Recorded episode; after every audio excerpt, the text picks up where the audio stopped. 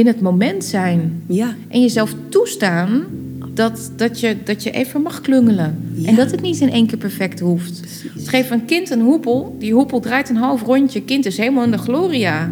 Geef een volwassene een hoepel. Hoepel draait een half rondje. Ik kan het niet. Ja, ja. Ja. Dus, dus dat, en dat is ook wat ik die mensen wil meegeven. Joh, rommel lekker aan. ja. Probeer het nog een keer. Ja. Het is tijd dat je afscheid gaat nemen van het oude denken. Zoals jezelf continu te moeten bewijzen, bevestiging te zoeken bij andere mensen en het eeuwig twijfelen aan jouw waarde. Waarom? Omdat jij een unieke goddelijke expressie bent waar er maar één van is.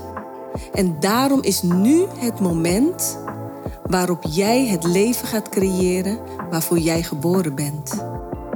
Je luistert hier naar Cheryl Stuurland, Living with Purpose.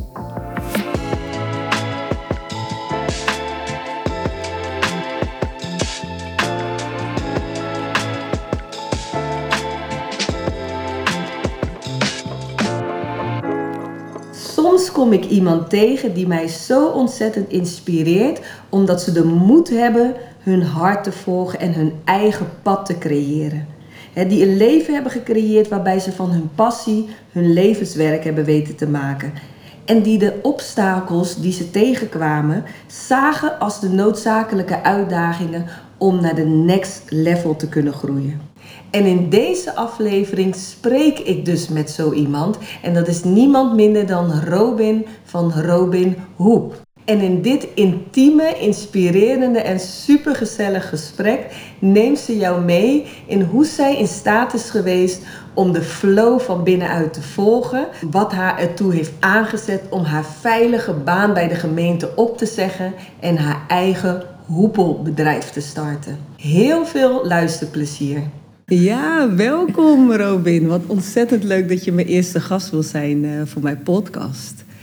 Het is een paar maanden geleden dat we het er al over hadden en dan zitten we nu hier. Zeker. Ja, ik voel me heel vereerd dat ik je eerste gast mag zijn. Ik vind het heel leuk. Oh, super, super. Maar je reageerde ook gelijk heel enthousiast al toen ik de eerste keer het idee opperde van... eh, joh, ik ga een podcast beginnen. En eh, het idee was toen van, eh, ik wil vrouwen die hun eigen pad zelf hebben gecreëerd, die wil ik spreken. En ja, op het moment, soms kunnen mensen dingen niet voor zichzelf voorstellen. En dan moeten ze een, een levend voorbeeld zien Ja. en horen zodat het hun weer verder kan inspireren. Dus eh, vandaar dat ik ja, direct ook aan jou moest denken. Dus super superleuk dat je, dat je ervoor in was voor dit gesprek. Ja, ik, eh, ik vind het heel leuk. Ik, ja, ik heb er zin in. Laten we lekker beginnen. Laten we lekker beginnen. Ja.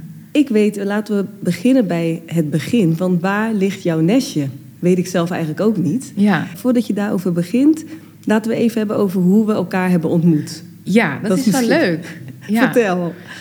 Nou, ik denk eigenlijk dat het aan jouw kant begint. Ja, want jij hebt mij klopt. natuurlijk uitgenodigd om de hoepelworkshop te komen geven voor jou en de buurvrouwen. Yes, yes. En, eh, en toen hadden we gelijk een dikke klik. Ja, klopt. Eigenlijk begint het in 2021 al.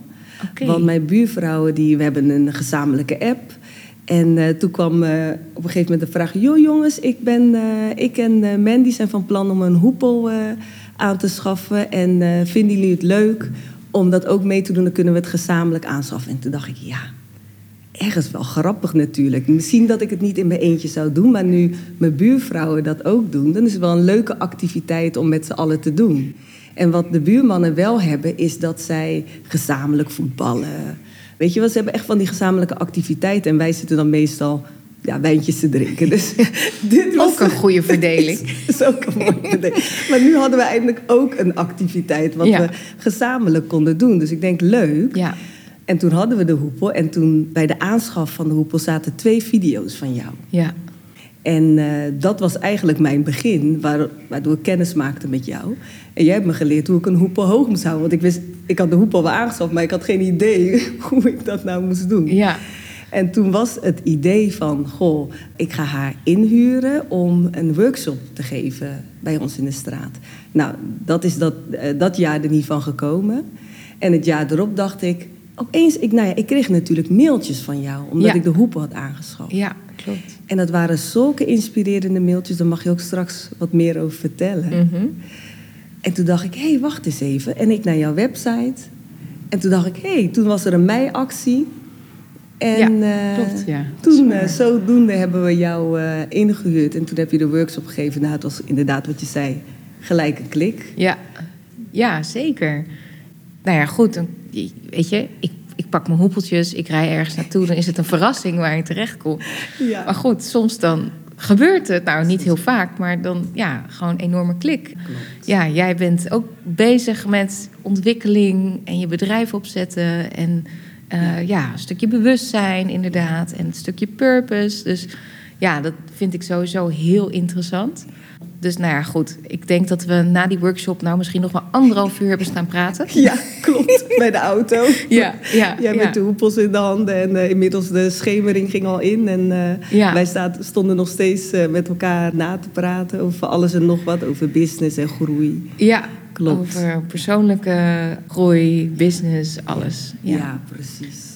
Is dit al het moment dat ik misschien even vertel wat ik doe? Want ik heb geen idee wat de mensen eigenlijk weten. Nou, dat is excellent. Dat is hartstikke leuk. Ik denk dat We ze hebben- inmiddels een aanwijzing hebben. Hmm, Ze hebben een paar hoepel. aanwijzingen, inderdaad. Ja.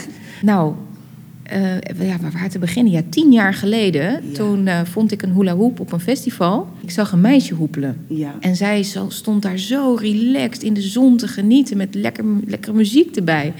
En ik dacht, wow, dat ziet er lekker uit. Ik werd helemaal blij als ik er naar keek. En ik had er een paar wijntjes op, dus ik ging hup, recht op mijn doel af. Ik vroeg gelijk van, mag ik even met jouw hoepel ook dat proberen? Nou, dat, dat mocht. Dat ging alle kanten op, behalve de goede. En toen kreeg ik een paar tips van haar. En toen ging het along the way, na een paar keer proberen, ging het. Toen dacht ik, wow, ik heb hem. Ik was helemaal euforisch. En ik was niet meer weg te slaan. En die vriendinnen van mij die dachten, waar is die meid gebleven? en toen vonden ze mij dus hoepelend.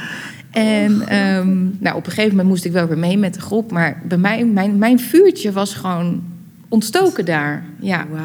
En ehm, toen direct de volgende dag heb ik een grote hula hoop voor volwassenen besteld. Want dat is dus echt heel belangrijk. Dat weet je inmiddels ook. Ja, dat weet ik inmiddels. Ja. Ehm, ja. een keer en op een kinderwees- eh, kinderfeestje gehoepeld met een hoepel van een kind. Ja, dat is toch echt een andere beleving. dat was ook geen maatje 140 meer. Dus Nee, waarom nee. een kleine hoepel? Klopt. En, en nou goed, toen, toen kwam ik erachter dat er hoepelles was. Dat ik dacht, hoepelles. Ik doe het wel lekker zelf. Ik was misschien een tikkeltje eigenwijs. Eh, en na een paar weken zelf aanrommelen... ben ik toch naar de les gegaan. Ja. En dat was echt een goede move. Want ik kwam erachter dat er een gigantische hoepelcommunity is wereldwijd. Dat je veel meer met een hoepel kunt dan, je, dan ik ooit had kunnen bedenken van tevoren. En nou, ik had, ik had helemaal mijn ding gevonden. Ik werd helemaal gelukkig ervan. Ik, kwam toen, ik was toen net op het einde van mijn burn-out. Ja. En ik vond het nog met enige regelmaat wel een uitdaging om te ontspannen. Omdat ik dan toch weer een beetje in de onrust ging. En dan ging ik op zondagochtend naar mijn hoepelles. En dan kwam ik helemaal zen uit die les. En dan Ja. had ik echt een heel, hele, ja, hele fijne zondag gewoon. Dus ik merkte dat het zowel voor mijn lichaam als voor mijn geest heel helpend was. Ja.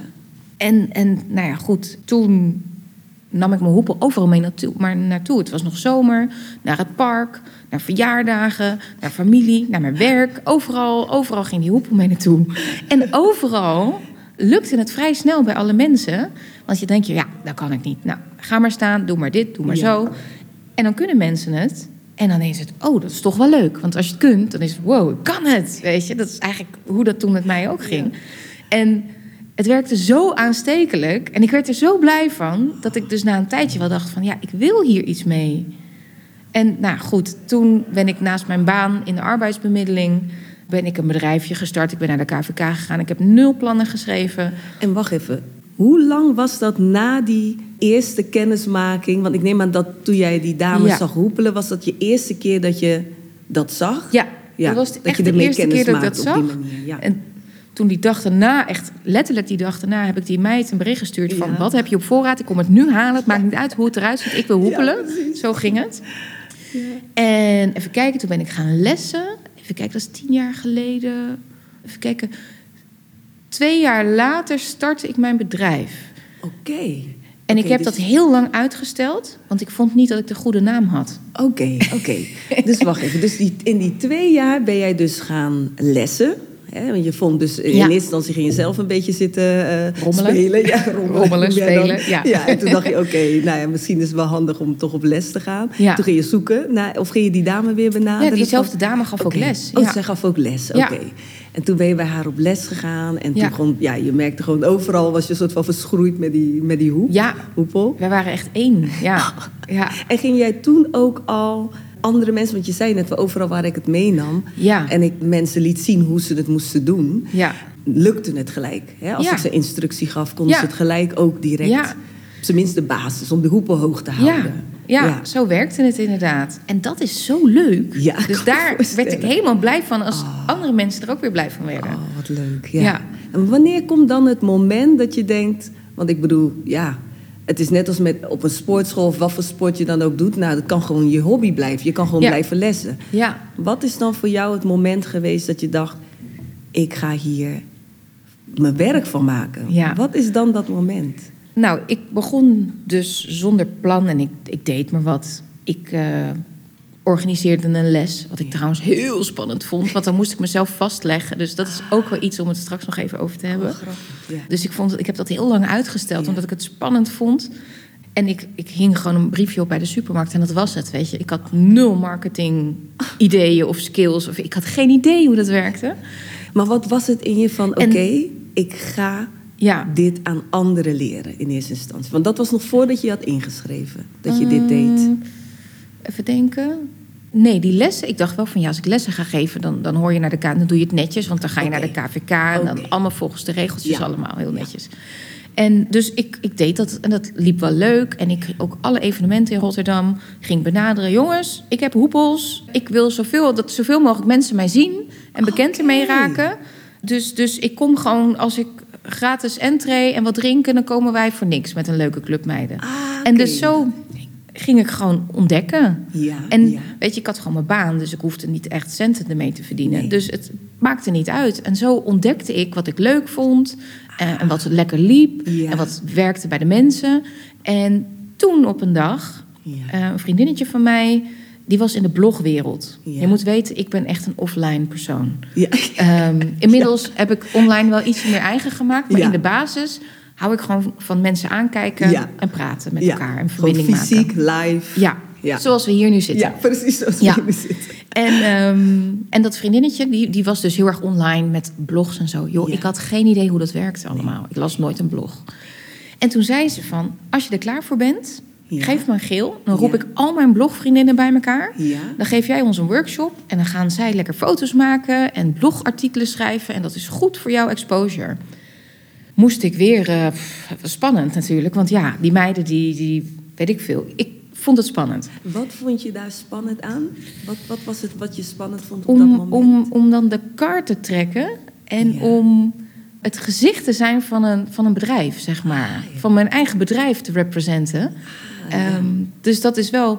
Want ja, daarvoor werkte ik een loondienst. Weet je, je kon je altijd wel achter iemand verschuilen of zo. Want, maar ja, dan, dan kun je je achter niemand verschuilen. Nee, want jij bent dan Robin van... Robin Hoep. Ja, Ja, precies. ook wel leuk Ja, om te ja, vertellen. Precies, Ja. ook wel leuk om te vertellen. Ja. Wat grappig Dus ik, vond, ik werk, merkte wel dat dat echt een ding was. Ik dacht, wow, ik represent mijn bedrijf en eh, mensen vinden hier iets van. Hoe, hoe, hoe positioneer je jezelf? Hoe presenteer je jezelf? Hoe wil je dat mensen jou zien? Wat wil je wel en niet van jezelf laten zien? Ik was daar heel bewust mee bezig. Ja. Wat is mijn tone of voice? Ik was ook altijd, ik was altijd gewoon heel lief. Dus in het begin was ik ook echt, nou, misschien wel een beetje te lief ook. En wat, hoe uitte dat zich? Hoe moet ik dat zien? Van, was een beetje te Ehm, Joh, lief? ik had geen verstand van wat een hoepelles waard is. Ah, of ja. wat, of of Ja. weet je, Ja. Ik, ik deed maar wat. Ja. En ik vond het leuk hoor. En het was ook goed op Ja. dat moment. Maar goed, op een gegeven moment als je verder ontwikkelt, dan kom je er wel achter van, oh wacht even, maar ik ben veel waardevoller dan dat ik door had op Ja. dat moment. En weet je, ja, je mag het ook leren natuurlijk. Hè? Dus, Zeker, zeker. ehm, dus ik denk eigenlijk dat het het goede pad was hoor. Ja. En dat het, ja, dat dat heel logisch is ook. Ja. Dat dat zo gaat. En neem ons eens mee naar die eerste keer dat je dan hè, voor die bloggers een les moest geven. Nou, we gaan terug even weer Ja, naar de bloggers. precies, ja. ja. Nou, ik had eh, lekkere dingetjes gehaald. Ik had een gezellig kleedje neergelegd. Nou, meiden, kom maar. Dus even een beetje introductie. En waar waren jullie? Want We waren in het. Vroesenpark. Oké, Vroesenpark Ja, Rotterdam. Vroesenpark. Rotterdam. En dan denk ik, oh, deze meiden die kunnen iets heel goed. Ja. Weet je wel? En die hebben soms echt wel gewoon serieuze platforms. Dus dat, dat ik ook wel dacht, dan voelde ik me van, ja, wie ben ik nou? Weet je wel? Dat speelde dus echt in je hoofd, zeg maar, dat, die gedachten. ja, niet de hele tijd prominent Ja. op de voorgrond. Maar je was je er wel van het bewust. was me er wel echt van bewust, Ja, inderdaad. ja, ja. Ja, nou ja, goed. Het was superleuk. Iedereen was blij. Iedereen kon hoepelen. Het was hartstikke gezellig.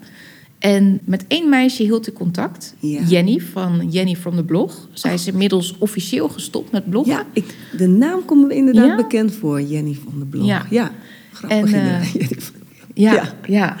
En nou ja, goed, ik had op dat moment geen idee. Op een gegeven moment zei ze van... joh, ik ga op vakantie. Als je mij een hoepel meegeeft... Mhm. dan schiet ik nog leuke foto's en content... en dan promote ik je een beetje. En nou, dat deed zij. Dat was ook nog in de Fit Girl periode. Dat was natuurlijk een hele tijd. Ja. Ja. eh, dat het echt, alles was Fit Girl. Ja. En eh, nou, zij ging hoepelen, zij werd slanker, ze voelde zich goed, ze schreef daarover. En op een gegeven moment had zij dus echt al een mailbox vol met, met aanvragen van meiden van waar koop ik zo'n hoepel. En slim als zij was, dacht zij van ja, die schuif ik niet één op één door naar Robin. Ik ga even kijken wat wij samen kunnen doen. Affiliate marketing. Even, ja. of ja, Dus, eh, ja. Dus op een gegeven moment, eh, nou, we hadden echt ook leuk contact Ja, en zo. ja. En dat, dat liep heel soepel. En zij belde mij op een maandagmiddag. Ik weet het nog als de dag van gisteren. En eh, zij zegt: Robin, ik heb een mailbox vol met meiden die enthousiast zijn. Zullen we samen een webshop beginnen? Nou, ik kreeg kippenvel. Ik had mijn hartslag, die was, ik weet niet hoe hoog. Ik voelde aan alles, ik, ja, ik voelde aan alles, dit wordt het. Dit, dit is iets, dit, dit is een groot ding.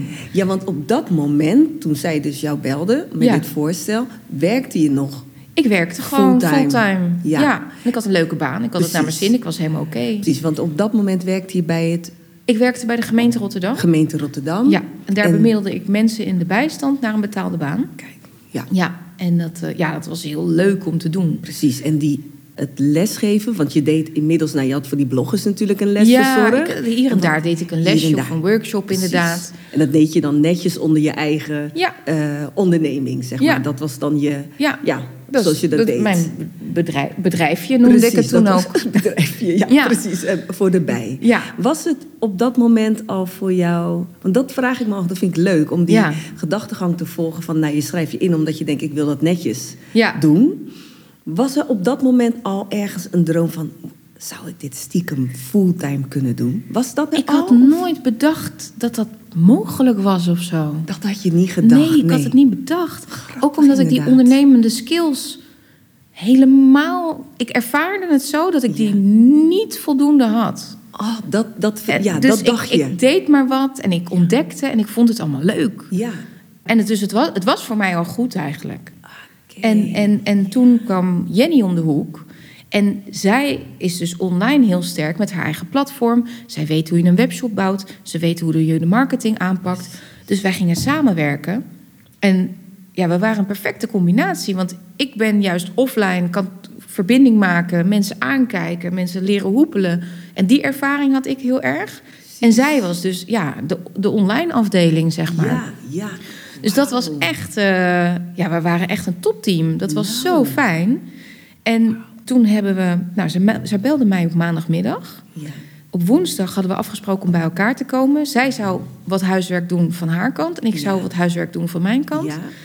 Nou ja, en toen waren we allebei zo enthousiast dat we dachten van, we gaan ervoor. Maar ik had alle spullen had ik ook al in huis. Dus we hoefden niet heel veel extra te doen. Dus toen hebben we, denk ik, die zaterdag zijn we weer bij elkaar gekomen. Ja. Toen hebben we de eerste hoepels gemaakt Mhm. en ook gelijk verzonden. Dus binnen een week hebben we gewoon snoeiharde actie. eh, Om al die vragen die zij dus in haar mailbox zij had al twintig mails in haar mailbox. Ja, dus toen zijn we begonnen, ik geloof met vijf of zes modellen. kunnen- Ja. En eh, nou, in de tussentijd, we moesten een naam bedenken, want het werd een nieuw bedrijf Ja. van ons samen.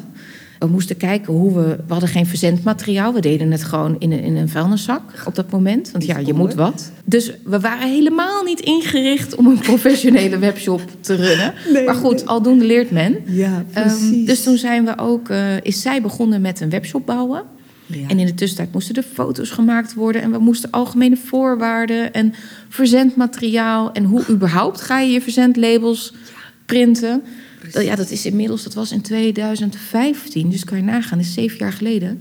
Inmiddels is alles helemaal doorontwikkeld en hapklare brokken. Maar toen was het echt nog wel eventjes ja, uitzoeken geblazen. Ja, want hoe wist je hoe je die hoepels moest maken? Want dat, dat heb ik even gemist. Van, Nou, dat heb ik geleerd van die meid waar ik les van heb gehad en waar ik mijn eerste hoepen van heb gekocht. Aha. Ik heb op een gegeven moment tegen haar gezegd van, ik vind dit zo leuk, ik wil dit ook voor mezelf doen. En ik was ook weer bang voor haar reactie, want ik dacht, ja, die is helemaal niet blij als er nog iemand komt in Rotterdam die dat ook gaat doen. Maar haar reactie was, ja, superleuk, go for it, ik ga je helpen. Eh, dus zij heeft me ook enorm geholpen daarin. Nou, kijk Dus, nou. eh, dit ja, is zo'n mooie situatie. Ook mooi dat je dit ook benoemt. Ja. Weet je wel? Van dat men heel vaak wellicht misschien kan denken van... goh, de ander zit er niet op te wachten wat je zegt. Ja. Misschien zou je zelf niet zo reageren, maar denk je... ja, eh, misschien ziet ze dat als concurrentie. Maar dat ze Ja. juist vond van...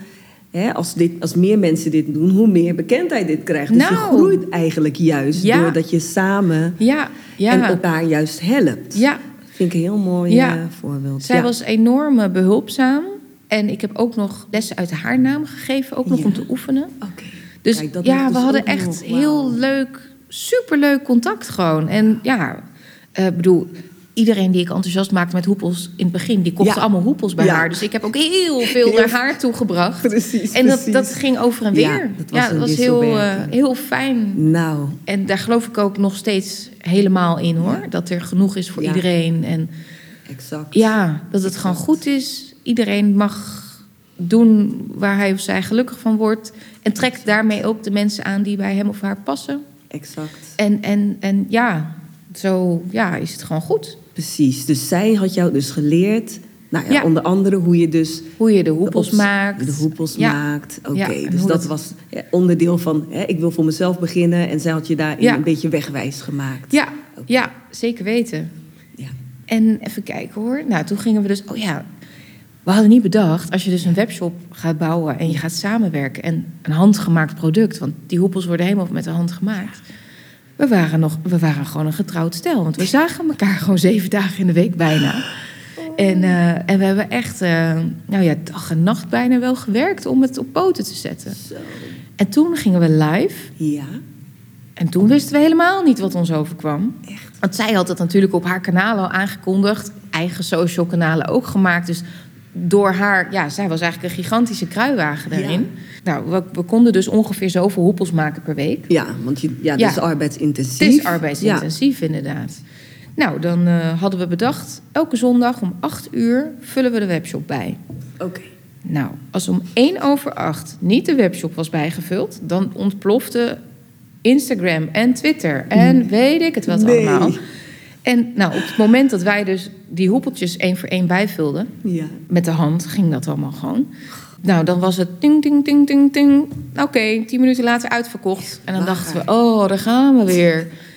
We, we moeten weer alles op alles zetten om het weer op tijd eh, te maken en de deur uit te krijgen. En eh, ik heb nog een foto. Ja. Daar zie je mijn woonkamer. We deden alles bij mij in de woonkamer. Oh, dat is wel leuk om op social te delen als deze podcast dan... Ik ga hem voor je Oh, opzoeken. Ik Oh, ga hem dat voor je leuk. opzoeken. Ja. Nou, het is één explosie van hoepelbuizen.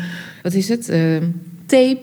En, en verpakkingsmateriaal. En weet ik het wat tussendoor. Eet je en drink je nog wat. Maar dit was, we deden dat altijd op woensdag. Ja. En dat was echt. Dan kwam zij om half negen al bij mij. En dan was het eerst eh, die buizen op maat knippen, in elkaar zetten. Nou, dan waren alle, alle hoepels gemaakt. En dan eh, was het nou nog tapen. Dan was het zo, oké, we hebben het weer gered. Maar dan kwam het inpakken nog. Dat, oh jongens, die, die, die bubble wrap op maat snijden. Dat met plakband eromheen. En dan nog in die zak. En omdat je dan samenwerkt, Ja. ik ben best wel snel afgeleid. Ik plakte wel eens een label op een verkeerde zak. En dan was weer ergens een verkeerde hoepel aangekomen. Dus dan, moest ik echt focussen Wow. om, eh, om erbij te blijven. En dan Ja. soms kwamen we op het einde hadden we een hoepel tekort. Ja. Of dan dacht je, oh, wat hebben we nou weer gedaan? Het was één groot, heel gezellig fiasco. En dat allemaal naast jouw Dat fulltime baan nog, naast hè? mijn baan, ja. precies. En Ja. zij was natuurlijk fulltime blogger. Dus zij was online gewoon nog steeds toen nog toen Nou, nog zij, bezig, op dat moment studeerde zij nog. Ja, oké. Had ze en haar blog, wat ook een serieuze baan wel Ik is. wil net zeggen. Eh, werkte ze nog freelance voor een uitgeverij. Wauw. En was ze ook nog een social media agency aan het opzetten. Dus dit was echt een officiële bezig bij. Jeetje. Ja. Ehm, Maar goed, we hebben het gedaan. En doordat het zo goed ging, op een gegeven moment ging het proces wat meer smooth. Ja. Kregen we hulp bij het maken van de hoepels. En ja, konden we ietsje meer capaciteit draaien, zeg ja. maar. Ja. En ja, dit ging zo goed. En ik had natuurlijk en mijn salaris van mijn werk, wat prima was. En ook nog die webshop. Dus op een gegeven moment dacht ik wel van...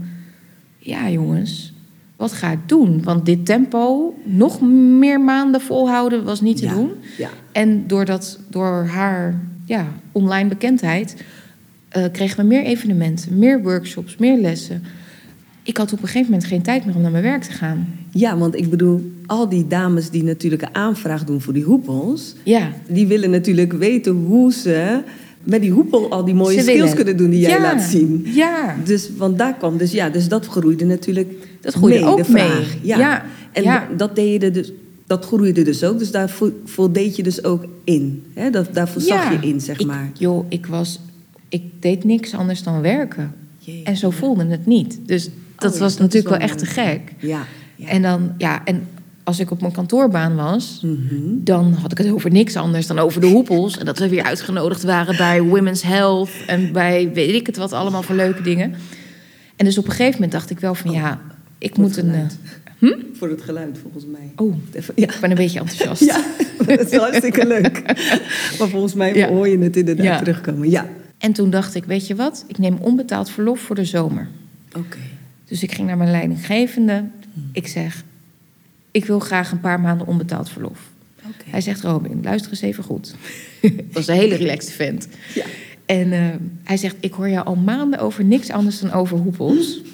Misschien, als het zo goed gaat, misschien moet je een keuze maken. Hij zegt, ik ben ook ondernemer geweest. Hij zegt, ik weet hoe het gaat. Ja. Ga er maar even over nadenken. ja. Want wat was jouw beweegreden daarvoor om een paar maanden onbetaald verlof te vragen en niet direct te stoppen? Wat maakte dat je dat Omdat vroeg? in de zomer Ja. is het, ga je naar buiten Ja. met je hoepel in het park, schijnt de zon. Ja. Weet je, in de winter heb je geen, is dat anders. Dus ik dacht nog van, wel van, ja, hoe gaat dat dan in de winter? Oké, ja. Want ik had helemaal geen plan voor de winter of iets. Ik had geen idee, want het was het eerste jaar dat we dat deden. Dus Ja. ik, ik had geen idee wat er dan zou gebeuren. ja, dus de onzekerheid, Onzekerheid. of het daadwerkelijk genoeg vraag zal Ja. zijn, ook in die, in die wintermaanden. Ja, Ja, en of je daar dus ook van kan, kan leven. Ik denk maar Ja. dat dat ook een, ja, eh, ja. een Of rol je daar speelt. dan... eh, Ja, Ja. En toen eh, ging ik op vakantie. Ik had met een vriendinnetje veel erover. Ik vond het lastig. Oh jongens, ik wist niet waar ik goed aan deed. ja. En toen kreeg ik wel van uit bepaalde hoeken. Ze zeiden van weet je, soms als het goed is, Ja. moet je gewoon inderdaad je hart volgen. In plaats van met je hoofd de hele tijd alles recht willen breien. En ja, toen kwam ik terug en toen dacht ik, weet je wat, ik werk in de arbeidsbemiddeling. Ik heb een gigantisch, gigantisch netwerk. Ja. Ik heb heel veel leuke contacten. Mijn leidinggevende zei ook, als je het niet redt, hoef je maar te bellen. Dan mag je gewoon terugkomen. Dus toen dacht ik, ja, ik heb niks te verliezen, let's go. Maar ik had dus niet eens een plan voor de winter. Nee, ik had nee, geen idee nee. hoe ik dat zou gaan doen. Dus je besloot toen Ervoor te gaan. ervoor te gaan echt dus volledig ontslag te nemen. Ja, Ja. nou, ik werkte al wel best wel lang bij de gemeente inmiddels. Maar ik, ik was nog wel een, een uitzendkracht, want ze namen toen helemaal geen mensen aan. Oh, Ja. En, en toen zei ik van, toen heb ik mijn leidinggevende gebeld. En toen zei ik, nou ja, ik, ik, ik heb een keuze gemaakt. Ja. Ik eh, ga voor het avontuur. En overmorgen is mijn laatste werkdag. Ja, want toen Ik stond had de zomer geen de tijd deur. meer om naar mijn werk te gaan. Het was, ik, ik moest kiezen, want Oh. het was, ja, het was zoals het was. Zo ongelooflijk. Dus Ja, toen ging je dat avontuur aan. ja zeker. Sluit de deur achter je Ja, en gaat helemaal voor Robin Hood. ja. En toen stopte dus Jenny, mijn compagnon, die stopte ermee. Want die had het te druk. Die, die, Ja. die, die trok het allemaal niet meer. Ja. En toen dacht ik, heb ik net mijn baan opgezegd? En toen kwam zij met de mededeling. en toen kwam zij... Nou, we kregen eerst een beetje oneenigheid over de werkverdeling. Want ik deed heel veel. En ik dacht, Ja. ja, ik wil wel een... Dan vind ik de verdeling niet eerlijk. Oké. En toen kregen we een beetje oneenigheid. Niet, niet heel erg, maar wel een beetje wrijving, zeg maar. Mhm. En toen op een gegeven moment, toen dacht ik, ja, het gaat me helemaal niet om geld. Het gaat me om een compagnon hebben die er net zo hard voor wil gaan als ik. En toen uiteindelijk hebben we daar ook goede gesprekken over gevoerd. We, zijn we uit elkaar gegaan op een hele goede voet. Oké. En, en hebben we nog steeds goed contact, moeten we Ja. zeggen. Het is nu wel echt lang geleden. Het wordt tijd dat ik haar weer een keertje een berichtje stuur. Nou. Maar ehm, ja, dat was echt... Ik heb heel veel van haar geleerd. Nou. En, en Ja, zonder was- haar was ik niet zo ver gekomen. Nee, want jij, wat je zei, je was helemaal niet thuis in die online wereld. Zij Nee. had daar natuurlijk al haar netwerk in, ze Ja. had haar following al. Dus Ja. jullie maakten daarin een vliegende start. Zij zag ook gelijk kans in om er een hoepelbedrijf, dat dat Ja. hè, levensvatbaar zou zijn. Want ze zag gewoon de vraag Ja, en besloot dat met jou aan te gaan. En nu, de expertise van het online hè, viel weg. Hè? Jullie, wegen scheiden. En toen? En toen, mm, nou, we hebben dus samen Hoop It Yourself opgericht toen de tijd. En ik had nog steeds Robin Hoop. Oké, en de Hoep It Yourself was dus de verkoop van de hoepels? Ja, was de webshop. Oké. Maar goed, dan heb je dus eigenlijk twee bedrijven die je allebei aandacht moet geven. Ja. Allebei een andere branding, andere look en feel hebben. Ja. En tegelijkertijd heel dicht bij elkaar liggen. Hoop It Yourself had denk ik 5000 volgers op Instagram of zo. Ja. Dus dat, dat was best dat wel was een steady, gevestigde orde, zeg maar. Ja. Maar goed, ik voel me Robin Hoop. Dus Robin Hoop ligt dichter bij mijn hart dan Hoop It Yourself. Omdat zij heeft dat vormgegeven, zij heeft die socials gedaan. Ja. En zij was er niet meer. Nee. Ik merkte dat als ik iets postte, Ja. had het mijn energie en ze waren haar energie gewend. Ah, De volgers die vlogen weg. echt? Ja, dat, dat was ook nog dat ik dacht, jeetje, wat gebeurt hier? Zo. Dus het was best wel, ja, ook weer wel een knauw voor mijn zelfvertrouwen. Dat ik dacht, jeetje, hoe ga ik dit doen? De volgers vliegen weg. Het bereik vliegt daarmee ook weg. Ja. Wat is nou wijsheid? Dus nou ja, op een gegeven moment dacht ik ook weer van ja, mijn hoofd zegt hoop it yourself, want grote following. Nou goed, vooral cijfer en rationeel eigenlijk Ja. eh, gerelateerd. Ja, precies. En toen dacht ik ja, maar als ik me goed wil voelen, dan Ja. geef ik mij uit als Robin Hoop, zeg maar. Dat. Dus dat lag veel dichter bij mij. Ja, dat je dat naar buiten ging brengen. Ja. En daar echt de exposure, die zichtbaarheid Ja, ging opzoeken. daar Want- de aandacht op Ja, vestigen. In plaats van twee bedrijven onderhouden die zo dicht bij elkaar liggen. En Robin Hoop, wat was op dat moment zeg maar de, de online status van Robin Hoop op dat moment?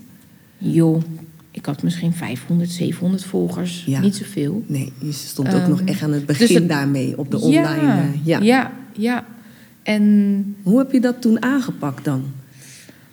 nou, op een gegeven moment heb ik een... Ja, toen moest ik een nieuwe website gaan laten bouwen. Want ik had wel een website. Dat was heel basic. Ja, voor on the site was het prima. Ja, Maar als ik er echt van zou moeten leven... moest het wel ja, een flinke upgrade eh, hebben. oké. En toen heb ik dus besproken dat de, de webshop van Hoop It Yourself Mhm. in de Robin Hoop website ge- gezet zou worden. En dat alles geredirect en weet ik het, al die technische toestanden, dat het goed geregeld zou zijn. Oké. Ja, Ja. dus dat was wel echt een spannend moment. Ja, dus je ging helemaal verder onder Robin Hood. Ja. En je liep Hoop It Yourself, liet je eigenlijk... eh, Ja. Ook de, qua eh, online gaf je geen aandacht meer. Dus Nee. bestaat dat nog online, Hoop It Eh, Yourself? ik heb de van- URL nog wel. Oké. En er staat, het is volgens mij, ik denk doorgelinkt zelfs, gewoon naar Robin Hood. Oké. Maar ja. joh, dat is al jaren Precies. ligt het stil. Ja, en, precies. dus je ja. ging echt verder onder Robin Hood. Ja, Ja. ja. Ja, nou ja, goed, veel van geleerd. De omzet ging ongeveer door de helft, omdat het toch heel veel impact had. Dus dan heb je weer een klap even te verwerken. Dat je denkt, oké jongens, we zien wel hoe lang dit goed blijft gaan. Ja, want hoe ging je daarmee om? Want je hebt natuurlijk net die grote stap gemaakt om... Vanuit vertrouwen. Oké, Gewoon, dit is... het zal wel weer goed komen. Oké. Ehm, Dit Ja. is belangrijk, hè? Want dit is, en daarom vind ik, vind ik jouw verhaal ook zo mooi. Want heel vaak zien mensen de buitenkant van Ja. hè, je Instagram-following. Ze zien dus, hé, hey, zo, wauw, die komt op events, die geeft overal workshop, wauw. En als mensen bijvoorbeeld zelf ook met een idee spelen van... Goh, ik zou ook zo graag iets, misschien niet hoepelen, maar ja, hè, iets, anders... Iets leuks. Dan ja. denken ze, ja, ja, ik zit met een baan. Hoe ga ik dit nou regelen financieel? Ik heb Ja. allemaal verplichtingen. Ze denken vaak dat het bij de ander makkelijker is gegaan. Of laten we zeggen, in een soort van één rechte lijn omhoog. Oh nee, Weet je zeker niet. En dat jij dus, en daarom vind ik het zo belangrijk dat je dat benoemt van in Ja. vertrouwen zijn. Dat er dus ook ge- dingen gebeuren die jij niet hebt zien aankomen. Ja, Die wellicht misschien als tegenslag op dat moment, als een tegenslag Nou. ervaren. ik weet niet. Ik hou meer van het woord uitdaging. Nou, ik ook. nou, dus dat is al heel Ja. mooi. Dus je framet het al goed. Ja. Dus het feit dat, eh, dat Jenny, dus, eh, dat jullie wegen scheiden, Ja. was een uitdaging. Want zij pakte natuurlijk een groot deel van het online. Ja, En dan moest je verder. En dan word je eigenlijk ook nou ja, min of meer uitgenodigd om als jezelf naar buiten te treden. En je zei je was weer een offline persoon. ja, En dat wil ik gewoon dat mensen dat horen. Van dat je dat dus deed vanuit vertrouwen, niet wetende. Want op dat moment wist je nog niet hoe het zou lopen. nee, ik had geen idee.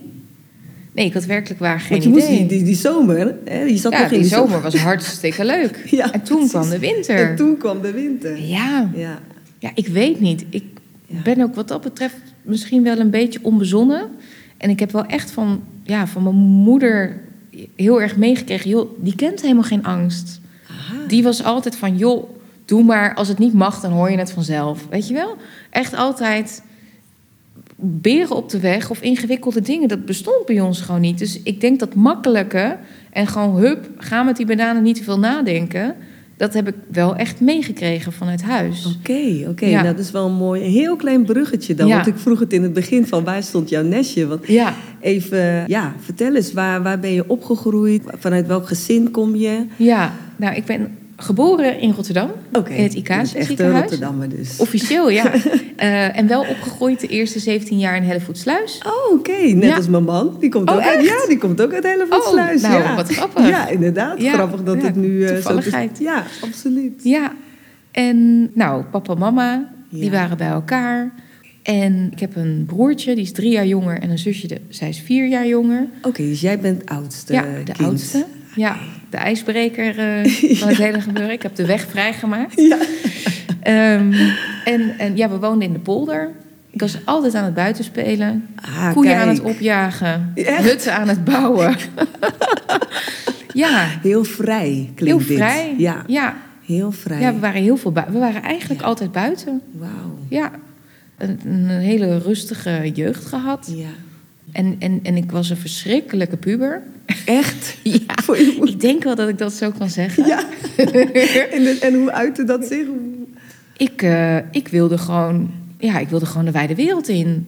Ik wilde gewoon autonomie ervaren Ja. en, en, en vrij zijn en Ja. mijn eigen plan trekken. Ja. En ik denk wel dat ik kan zeggen dat ik vrij wijs was voor mijn leeftijd. En ja, als ik dan beperkt werd door mijn lastige ouders, Ja, want want zo die- voelt dat op dat moment, Ja. dan, eh, dan nam ik daar geen eh, genoeg mee. Dan, dan dramde ik totdat ik mijn zin kreeg. En wa- Tot- hoe wilden ze jou dan, laten zeggen, in de toom houden? Want jij wilde toch dan die Nou, ik autonomie, mocht niet uit. Ja, ik wilde stappen. Ja. Ik wilde de wijde wereld in. Ik wilde ontdekken. Ja, ik, Waren ze daarin beschermd? Hoe bedoel, bedoel je dat zo? ze waren wel ja, beschermend, denk ik. En gewoon van, ja, maar kind, je bent 13, 14. Maar ik wilde echt al... Ja.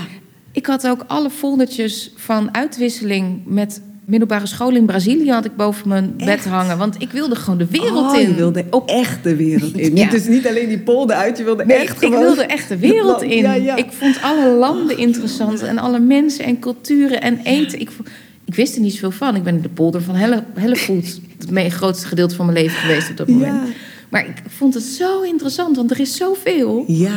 Ja. En, en hoe gingen ze daar dan mee om? Dus ze zagen dat niet zitten? Hoe Nou, ik, ik ja. Want jij, jij zag dus al zitten dat je een soort van uitwisselingsprogramma had op de middelbare school. Dat je Ik heb dat nooit anders- echt doorgezet, Nee. omdat het ook een beetje mm, geen haalbare kaart of zo leek op dat moment.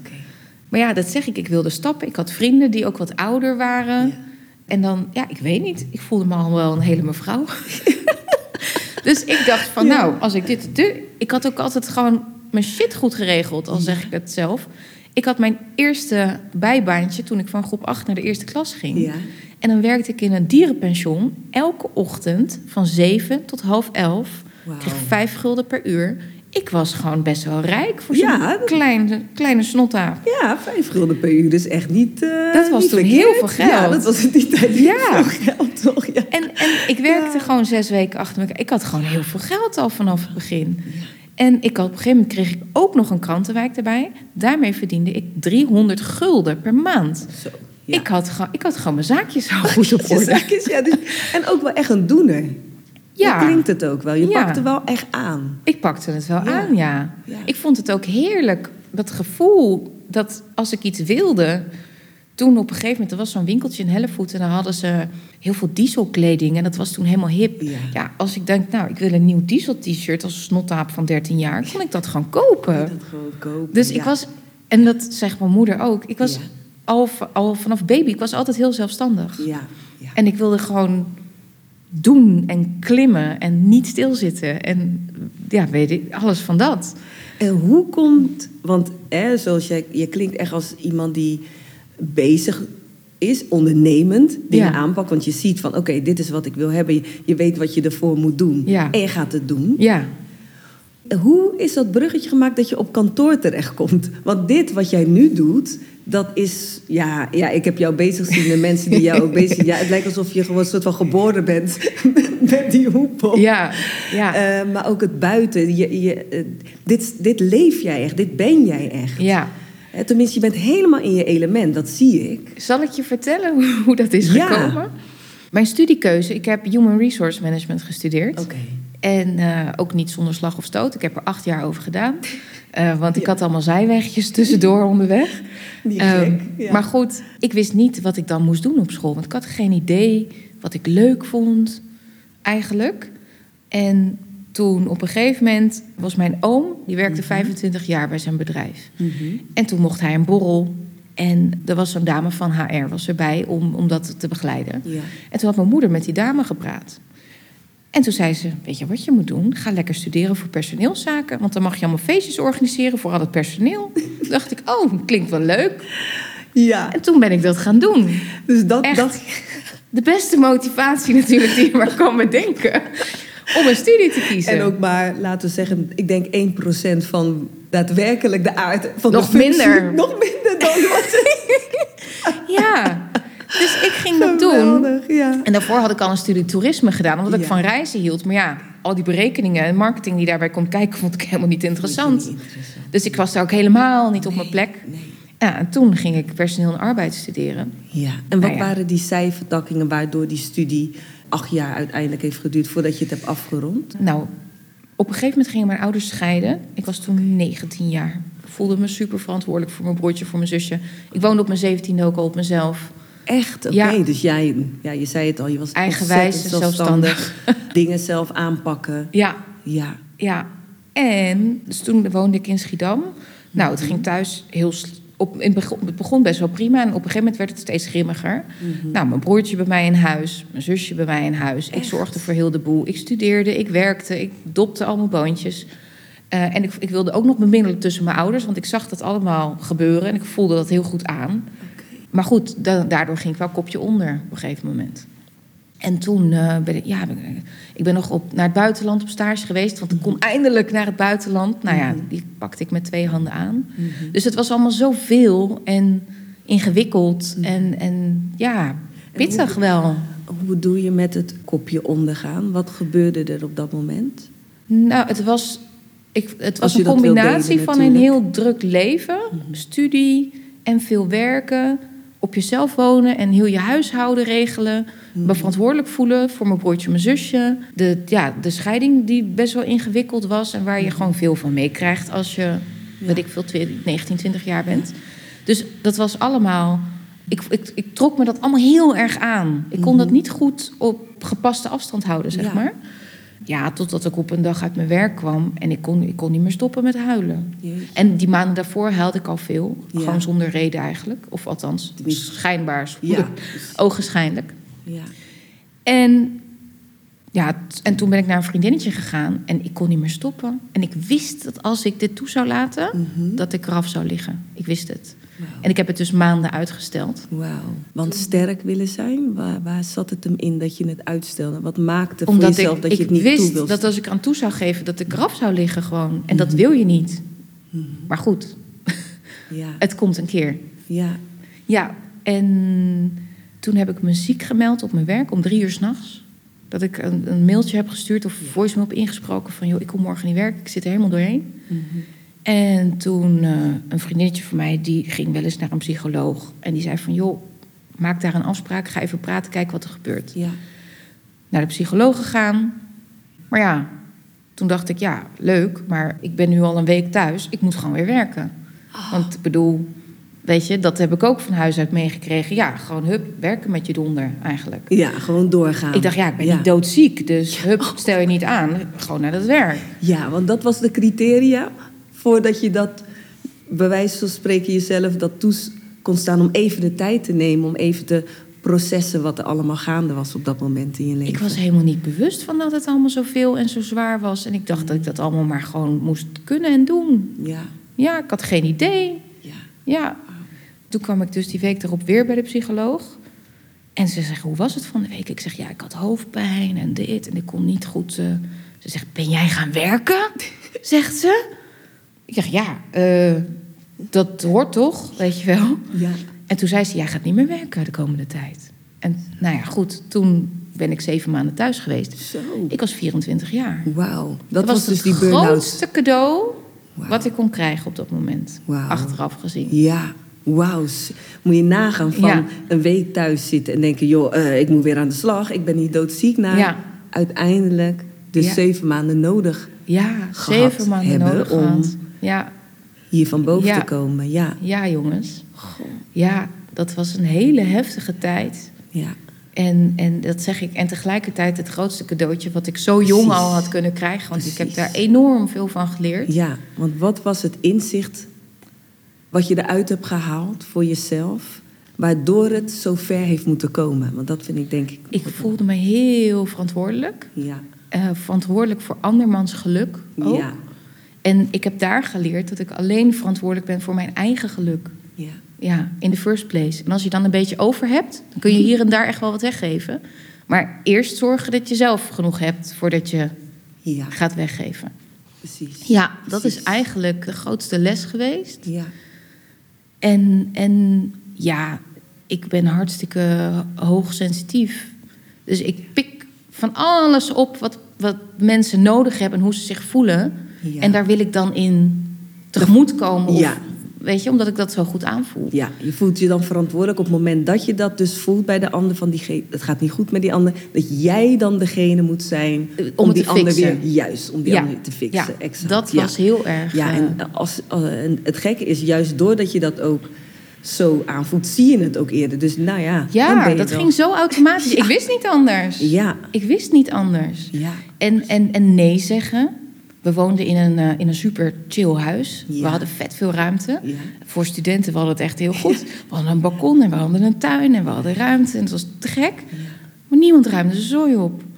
En ik stond op zondag drie uur lang af te wassen... omdat alles op was in de kast. En ik durfde niet met mijn vuist op tafel te slaan van... we gaan dit anders doen. Ruim je eigen zo- zooi op. Exact. Ik, ik, ik wist niet hoe dat moest, want ik was veel te lief. Precies, dus anderen aan te spreken op hun verantwoordelijkheid. Ja. Dat ze bij moeten dragen. Ja, Dus, die ik denk grens ook, de ene helft van mijn burn-out was Ja. verantwoordelijk, te verantwoordelijk voelen voor Ja. heel de wereld. En de andere helft was de afwas. Dat is- Dus, oh jongens, dat ik, als ik, Ja, maar vooral ook, want ik hoor heel duidelijk ook die grens. Heel duidelijk de grens. ja, Daarin niet, op dat moment niet kunnen bewaken. Nee, ik, dat had, heeft alles niet ook hoe. daarmee te maken. Ja, Ik wist niet precies, hoe. Precies, Ja, ik had daar geen, en door die psycholoog kreeg ik daar inzicht in. En dan wist ik precies, ik wilde contact onderhouden met Jan en Alleman. Ah ja. Maar dan kreeg ik dat ook terug per se. Weet je wel? Dus die verantwoordelijkheid ook weer daar. Ja, hoeveel tijd stop je in iets en wat, wat geeft het je terug? Want ik wilde alle ballen hoog houden en met iedereen vriendjes blijven. En, Nou ja, en, en voor iedereen zorgen. Ja, dus dat was, ja, dat was. En toen was burn-out ook nog helemaal niet zo. Dat was een begin van de burn-out generatie, denk ik. Als Ik ik, wil het het zeggen, want jij praat dan nu over twaalf jaar geleden. Het was ehm 2012, denk ik. Ja, 2012.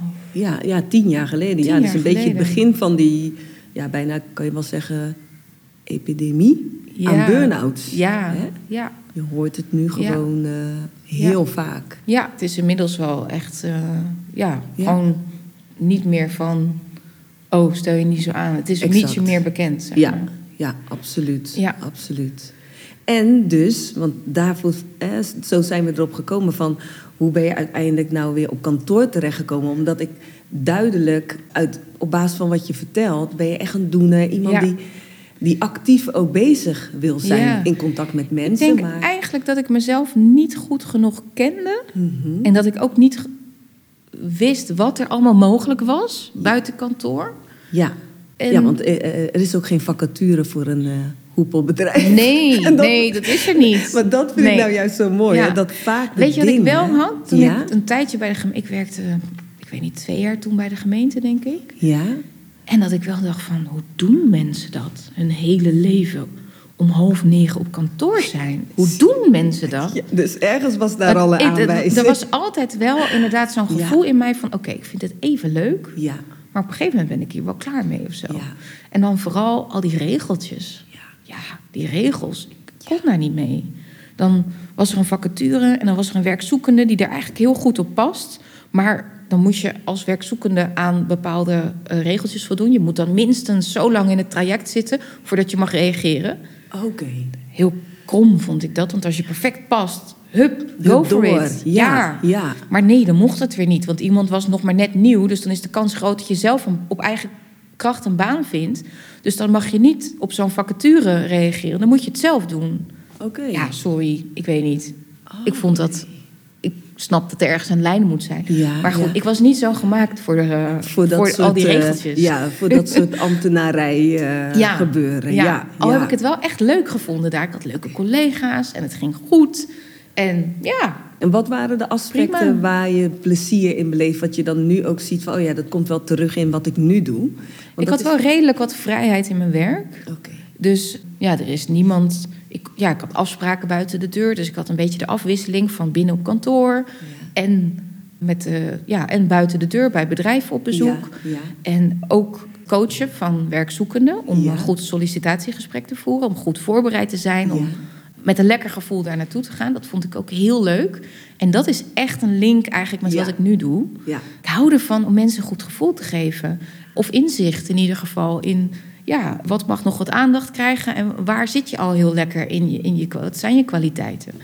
Dus dat is echt, ja, wat nu wel weer terugkomt. Ja. En wat, ja, wat wel echt, ja, ik zeg eigenlijk, verschilt het niet zo heel veel van elkaar. Nee, dat is zo grappig, Ja. hè, dat je achteraf, dat zeggen ze we- toch wel eens, je kan vooraf niet zien wat het een met het ander te maken heeft. Ja, Maar achteraf kan je Ja. de dat met elkaar connecten. ja, Dus ik zeg ook altijd, soms lijkt het van, ja, wat heb ik daar nou weer gedaan? Weet je, ik ben daar terechtgekomen op een of andere, bij een of andere baan. Ja. Maar later blijkt dat je daar net ook weer een onderdeel uithaalt... wat je dan in datgene wat Ja. jij nu zelf hebt gecreëerd... want ja. dat noem ik wel zo, Robin Hood heb je echt zelf gecreëerd...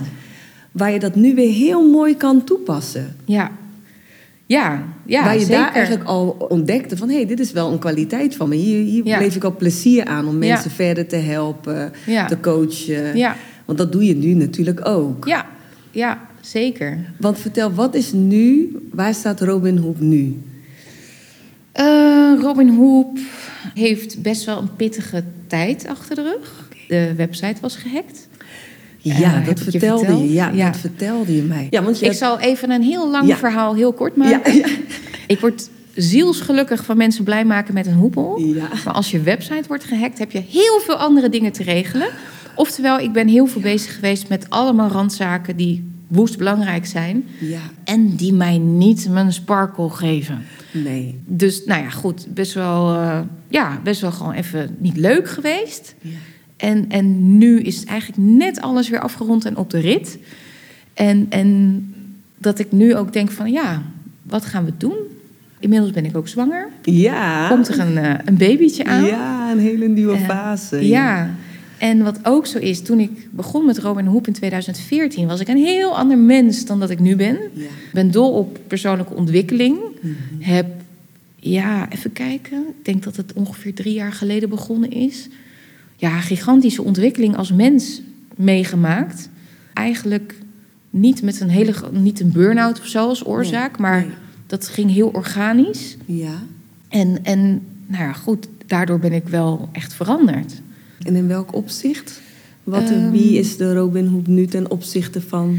Nou, toen was ik echt het hoepelmeisje wat lekker alle kanten opfladderde. En wat echt ja, op locatie en onderweg. En ja, veel aan het werk ook Ja. wel.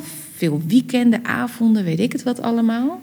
En nu ben ik wel heel, heel naar buiten gericht, zeg maar. Ja, En nu voel ik wel dat ik mm, ja, een stukje dichter bij mezelf nog ben gekomen. En dat ik meer, ja, dat ik me heel comfortabel voel in me, met mezelf. ja. Ehm, en dat ik de, ja, hoe zeg ik dat nou, jongens? Ja, want, Ehm, dat ik minder de behoefte voel om heel de tijd naar buiten gericht te zijn. aha, Want het is natuurlijk wel je socials, Ja. eh, content maken. Exact. eh, is heel erg naar buiten gericht. Ja, exact. Want Ja. om even een eh, kleine blik te geven van hoe de business van Robin Hood eruit zag. Wat voor soort dingen draaide jij allemaal? Als aan de ene kant workshops en evenementen. Ja. Dat is eigenlijk altijd op locatie. Oké, en voor wie, zijn, wie waren jouw klanten?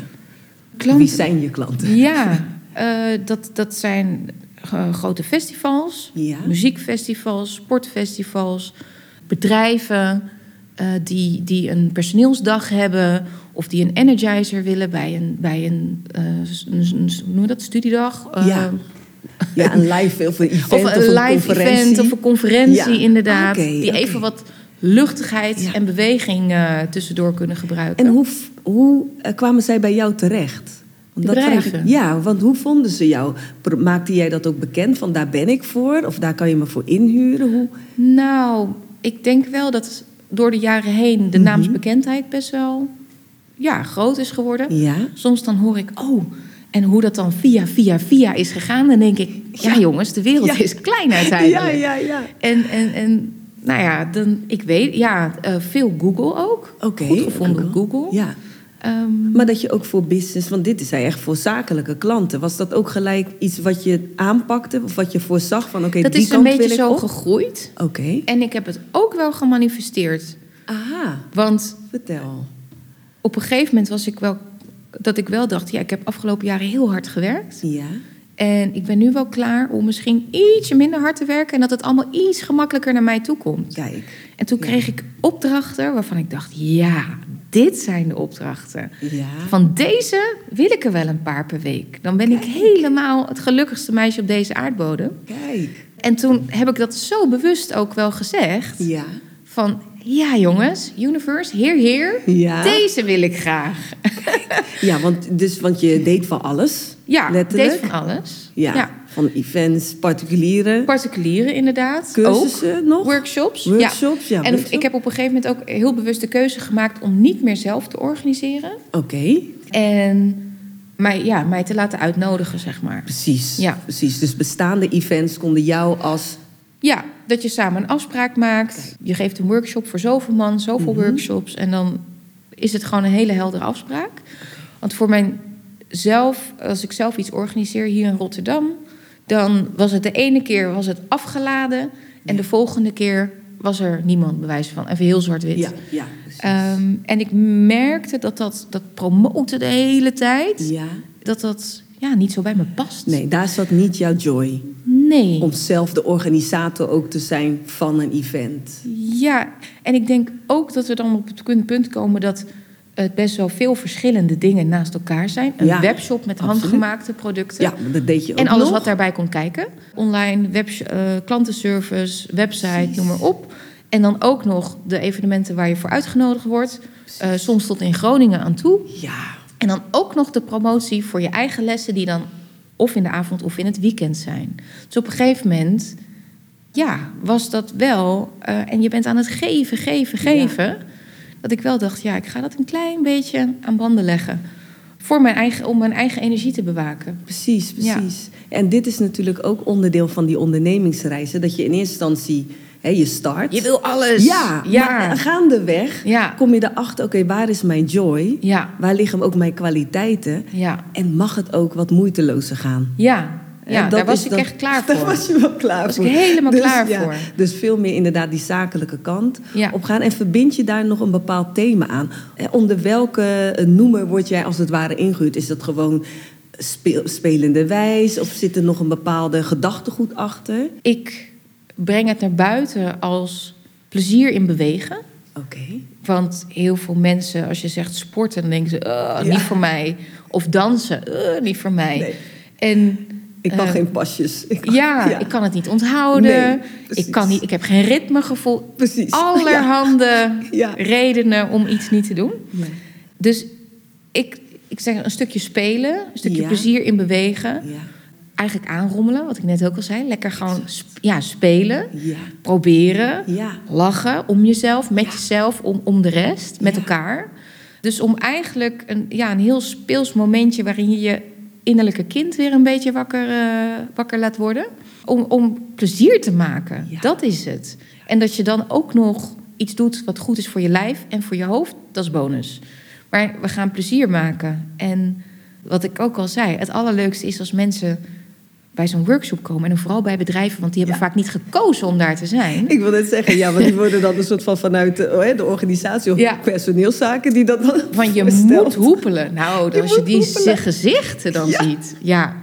Eh, ik smul daarvan, want ik weet dat het binnen 10 minuten anders is. Ja. Ja, en dus, nou goed, daar word ik, nou, Ja, je word helemaal ter ja, plekke, word ik daar helemaal Ja. enthousiast van. Ja, En dan, eh, nou, dan beginnen we even met een warming-upje. En dan eh, gaan we dat, dat ook met die hoepel op een gegeven Ja. moment. Ja, En dan, nou, ik denk wel dat ik kan zeggen dat 90, 95 procent ja, eigenlijk vrijwel direct die hoepel heeft. ja. In de meeste gevallen. Nou, en als, het dan, als je denkt dat je dat niet kan en je kan het in één keer, nou, dan gaat het dak eraf. Ja, En dat is dus waarvan ik kan zeggen, daar ben ik goed in. Om dat Om dat, om te men- laten gebeuren, om Ja. daarin te faciliteren. daarin te faciliteren. En ehm, ja, en d- d- ja, goed, dat is gewoon een feestje. Als Ja. dat, en dan zie je, die, die- want in het begin zijn die gezichtjes zo een beetje gespannen van... oh my god, straks sta ik voor lul. Er gaan duizend en één gedachten door je heen... als je denkt van oké, ik hier ga ik. en ik weet niet wat er gaat gebeuren.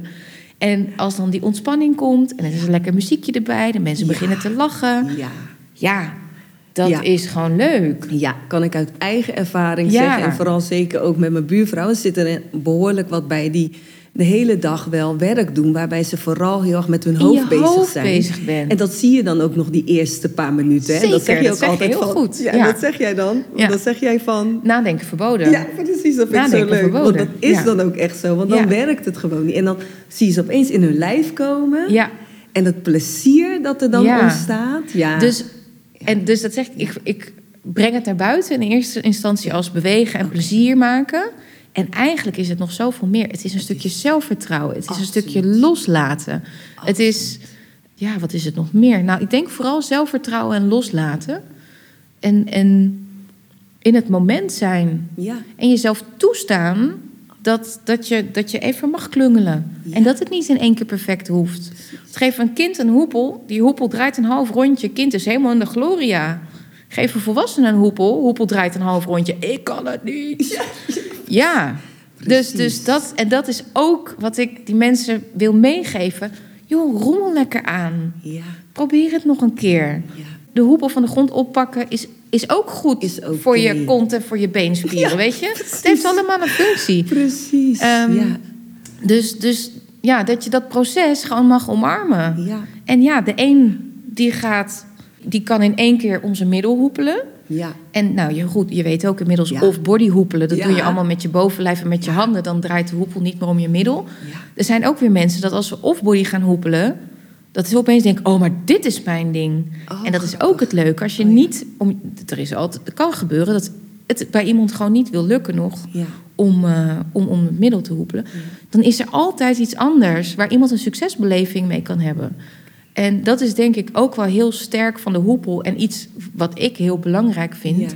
Is dat er voor iedereen in zo'n workshop een succesmoment is. Kijk. En dat eigenlijk, ik zeg altijd, ik verkoop geen hoepels, ik verkoop een goed gevoel. En dan verkopen klinkt ook weer zo. Ja, maar dat is de beleving die je brengt, de ja, experience. Ja, het is een beleving. Ja, En als je dan kijkt, hè, want je, je, het is veel meer letterlijk, dat heb ik zelf ervaren. Ja. Je wordt met bepaalde dingen, komen eigenlijk aan het licht ja, van jezelf. ja.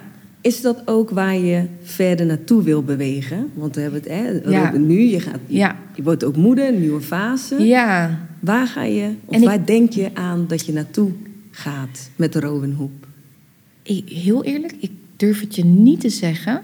Ik weet wel dat sinds ik dus echt actief met die persoonlijke ontwikkeling bezig ben... nou, eigenlijk de eerste keer mijn burn-out. En toen Ja. heb ik een goede spurt gemaakt. Ja. En nu sinds de afgelopen drie jaar wel heel bewust daarmee bezig. Ja, dat ik het heel leuk vind om nou ja, in de wor- hoepelworkshops de mensen een goed gevoel mee te geven. En al die leuke, fijne dingen die daaruit voortvloeien. En dat ik het misschien ook wel. Ja, jongens, ik wil niet de drie miljoenste coach van Nederland worden. maar goed, dat Ja. ik ergens weet ik inmiddels dat mensen dat ik fijne gesprekken met mensen kan voeren.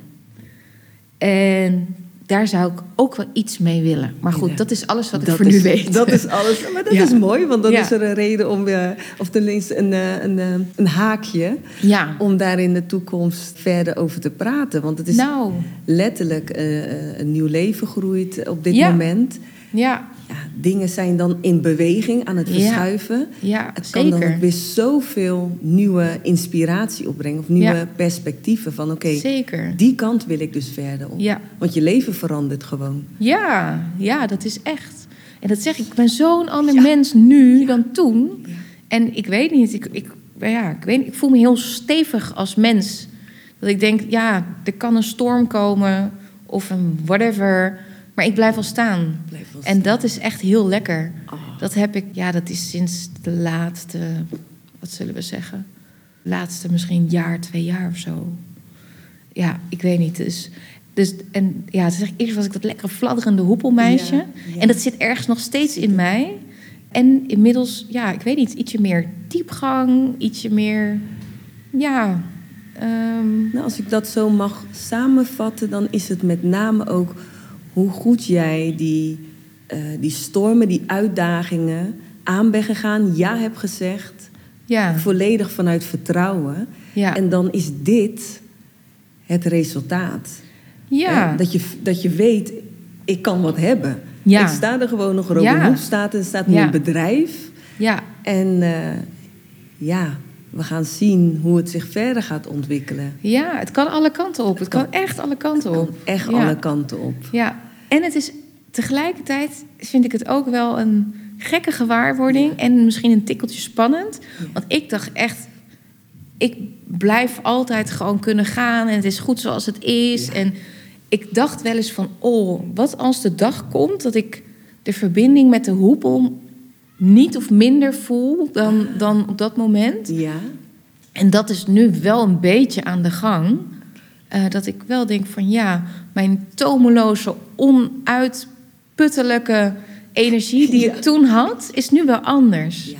Dus ja, ik denk ook gewoon zo'n soort van ja, volwassen worden of zo in, met wat je doet. Want ja, denk ik een heel natuurlijk gevolg. En, en, en ik wil niet meer zo hysterisch overal naartoe. druk zijn en overal naartoe. Dat, Nee. nee, dat, dat voel ik niet meer zo op die manier. Nou, je sprak ook al met mij over het uiteindelijk doorgaan geven van je werk. Dus dat mensen, Ja. dat jij mensen gaat opleiden om Ja. onder wellicht de Robin Hoop Ja, de workshops te gaan geven. Want ik- Ja. dat is wel iets waar volgens mij nog steeds heel veel vraag naar blijft. Ja. En echt ook heel En op leuk de is. een of andere manier komt het niet uit mijn vinger. het is er nog niet. hè? Nee, nee, nee. klopt. Nee, dus oh, ik weet het niet. Het is ook, het is ook moeilijk. De, de, de- of laten we zeggen, de fase waarin je nu zit. Het, het moet zich soms gewoon nog uitkristalliseren. Ja. Zeker als je in je zwangerschap zit. Ja, ja dat, die zwangerschap doet ook een hoop. Want Ja. ik was altijd, nou goed, je hebt het denk ik wel gehoord. Go, go, go, hup, Ja. schouders eronder en gaan. En joh, ik weet niet waar mijn focus is gebleven. Ja. Ik denk in mijn buik. Ja, ik denk, ik denk het Ja. ook. Ik denk Ja. het ook. Dus Ja. ja, die veranderingen. Ja. Het is gewoon van, oh jeetje. Ja, hoe gaat het uiteindelijk terechtkomen? En welke kant gaan we op? Ja, het kan allemaal. En ook daarin wil ik, ja, vanuit vertrouwen... en geen paniekvoetbal van, oh jee, ik weet het even niet. Of, oh, nee, gewoon... Ja, ik heb er wel vertrouwen in dat er weer iets zich aanreikt...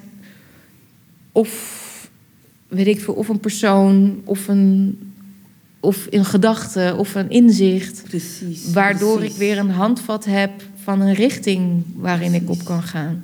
Precies. Ja, En dat gaat ook gebeuren.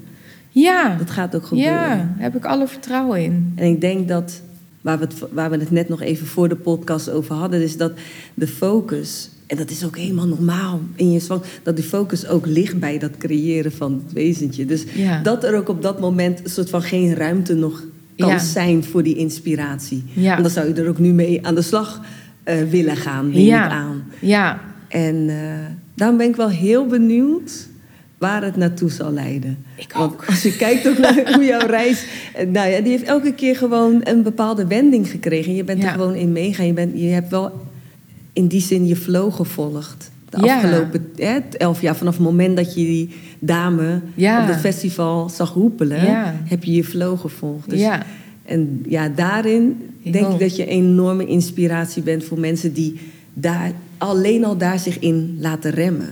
Die er nooit op waren gekomen om te zeggen: ik ga er naartoe. nee. En al helemaal niet haar de volgende dag bellen: ik wil.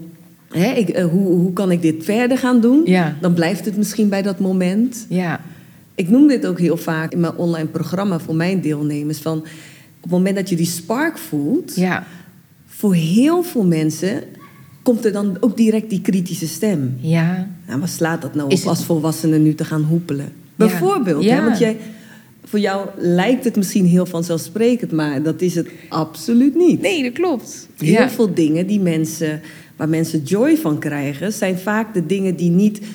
Ja, wat ik zeg, het is geen, eh, het is geen vacature die je kan uitkiezen. Het zijn Nee. misschien juist wel hele kinderlijke dingen. Het, Ja. hoeft, het lijkt nog nergens naartoe te leiden. En dan Ja. denken ze, ja, waarvoor zou ik dat gaan doen? Waar, waarvoor zou ik mijn tijd hier aan voldoen? Ja. Weet je, dus heel rationeel Klopt. eh, beginnen ze direct die spark die er dus was. Ja. Nee, nee, nee, nee, nee. Weg te Juist. Wuiven, ik Weg weet niet te waar naartoe. rationaliseren. Ja.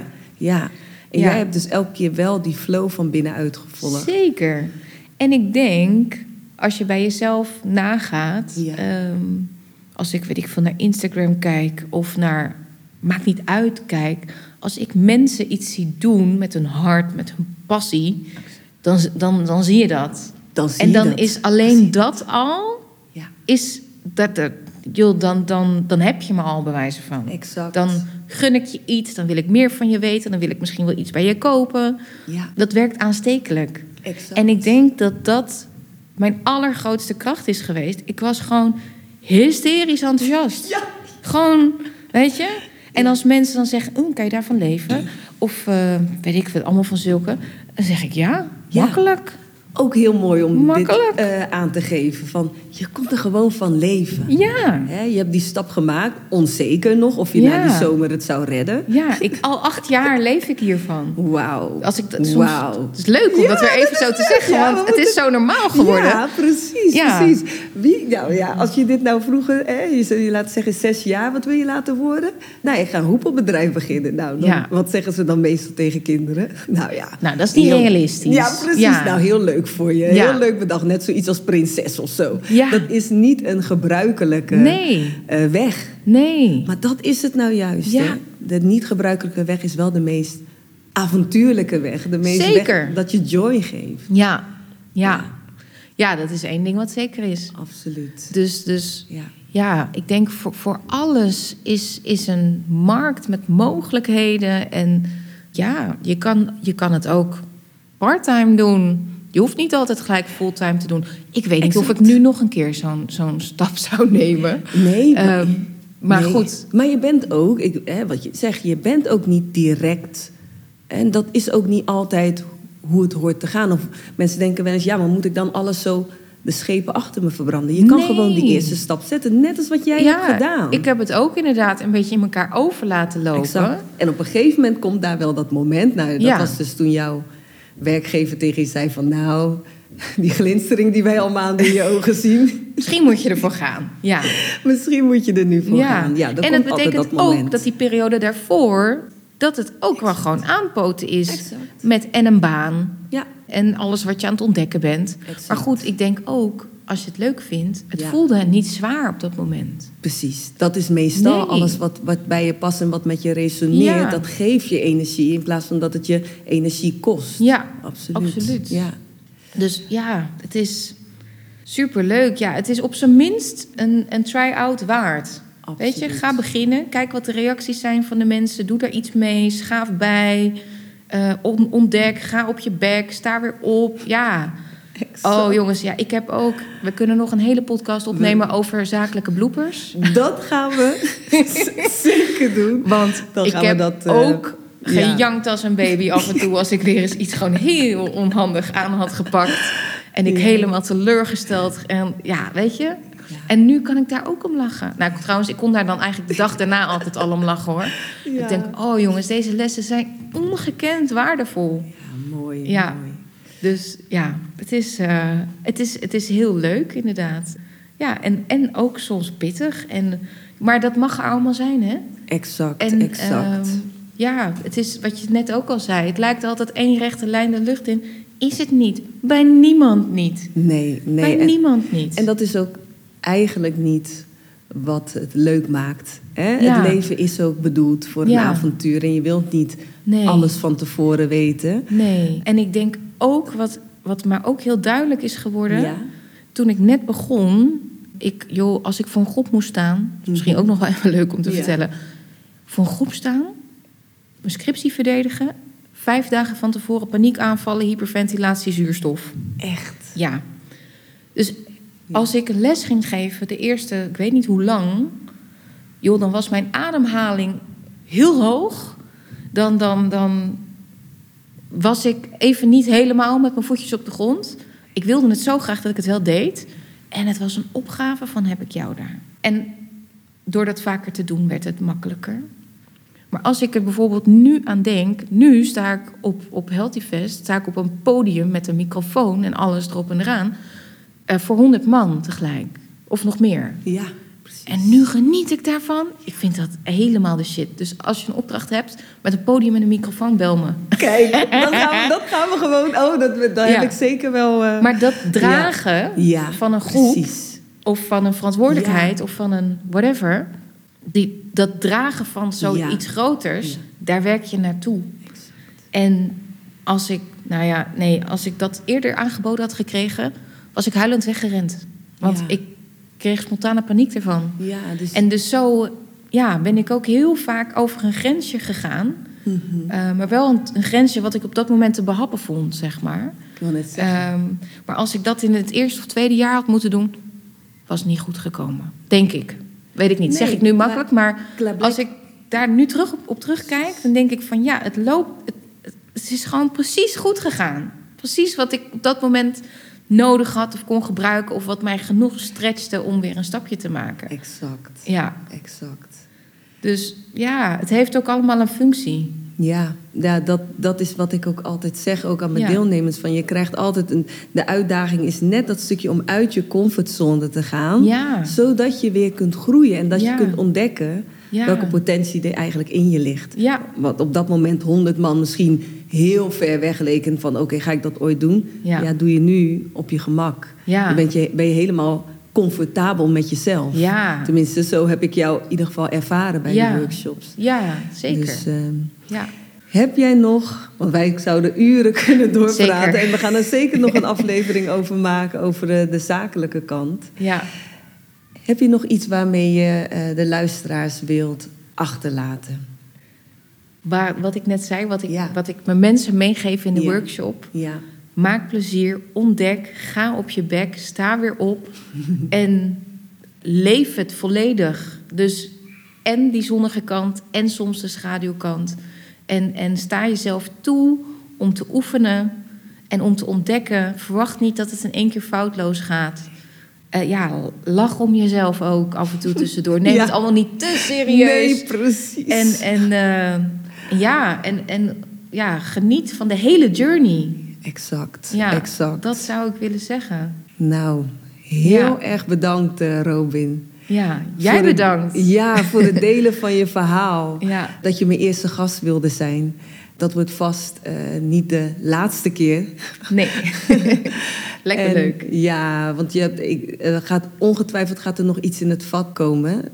En dat laten we gewoon lekker uitkristalliseren. En dan praten we daar de volgende keer over verder. Ja, Maar eh, dank je wel voor het delen van je verhaal. Ik denk dat het voor heel veel mensen eye-openend moet zijn geweest. Ik hoop het. Ja, ik hoop het. om te zien van, oh, oké, soms Ja. krijg, krijg- we willen die kijkje in die keuken. Ja. En je hebt ons die kijkje in de keuken gegeven. Dus Ja. heel erg bedankt daarvoor. Ja, nou jij dankjewel voor de uitnodiging. Het is werkelijk waar een feestje. Ik vind het heel leuk om, eh, om zo lekker met jou te kletsen. En hopelijk inderdaad mensen handvatten te geven om eh, ja, achter een droom aan te gaan en hun hart te volgen. Nou, dank je wel. Yes. En graag gedaan. Ja, ja eens gelijk.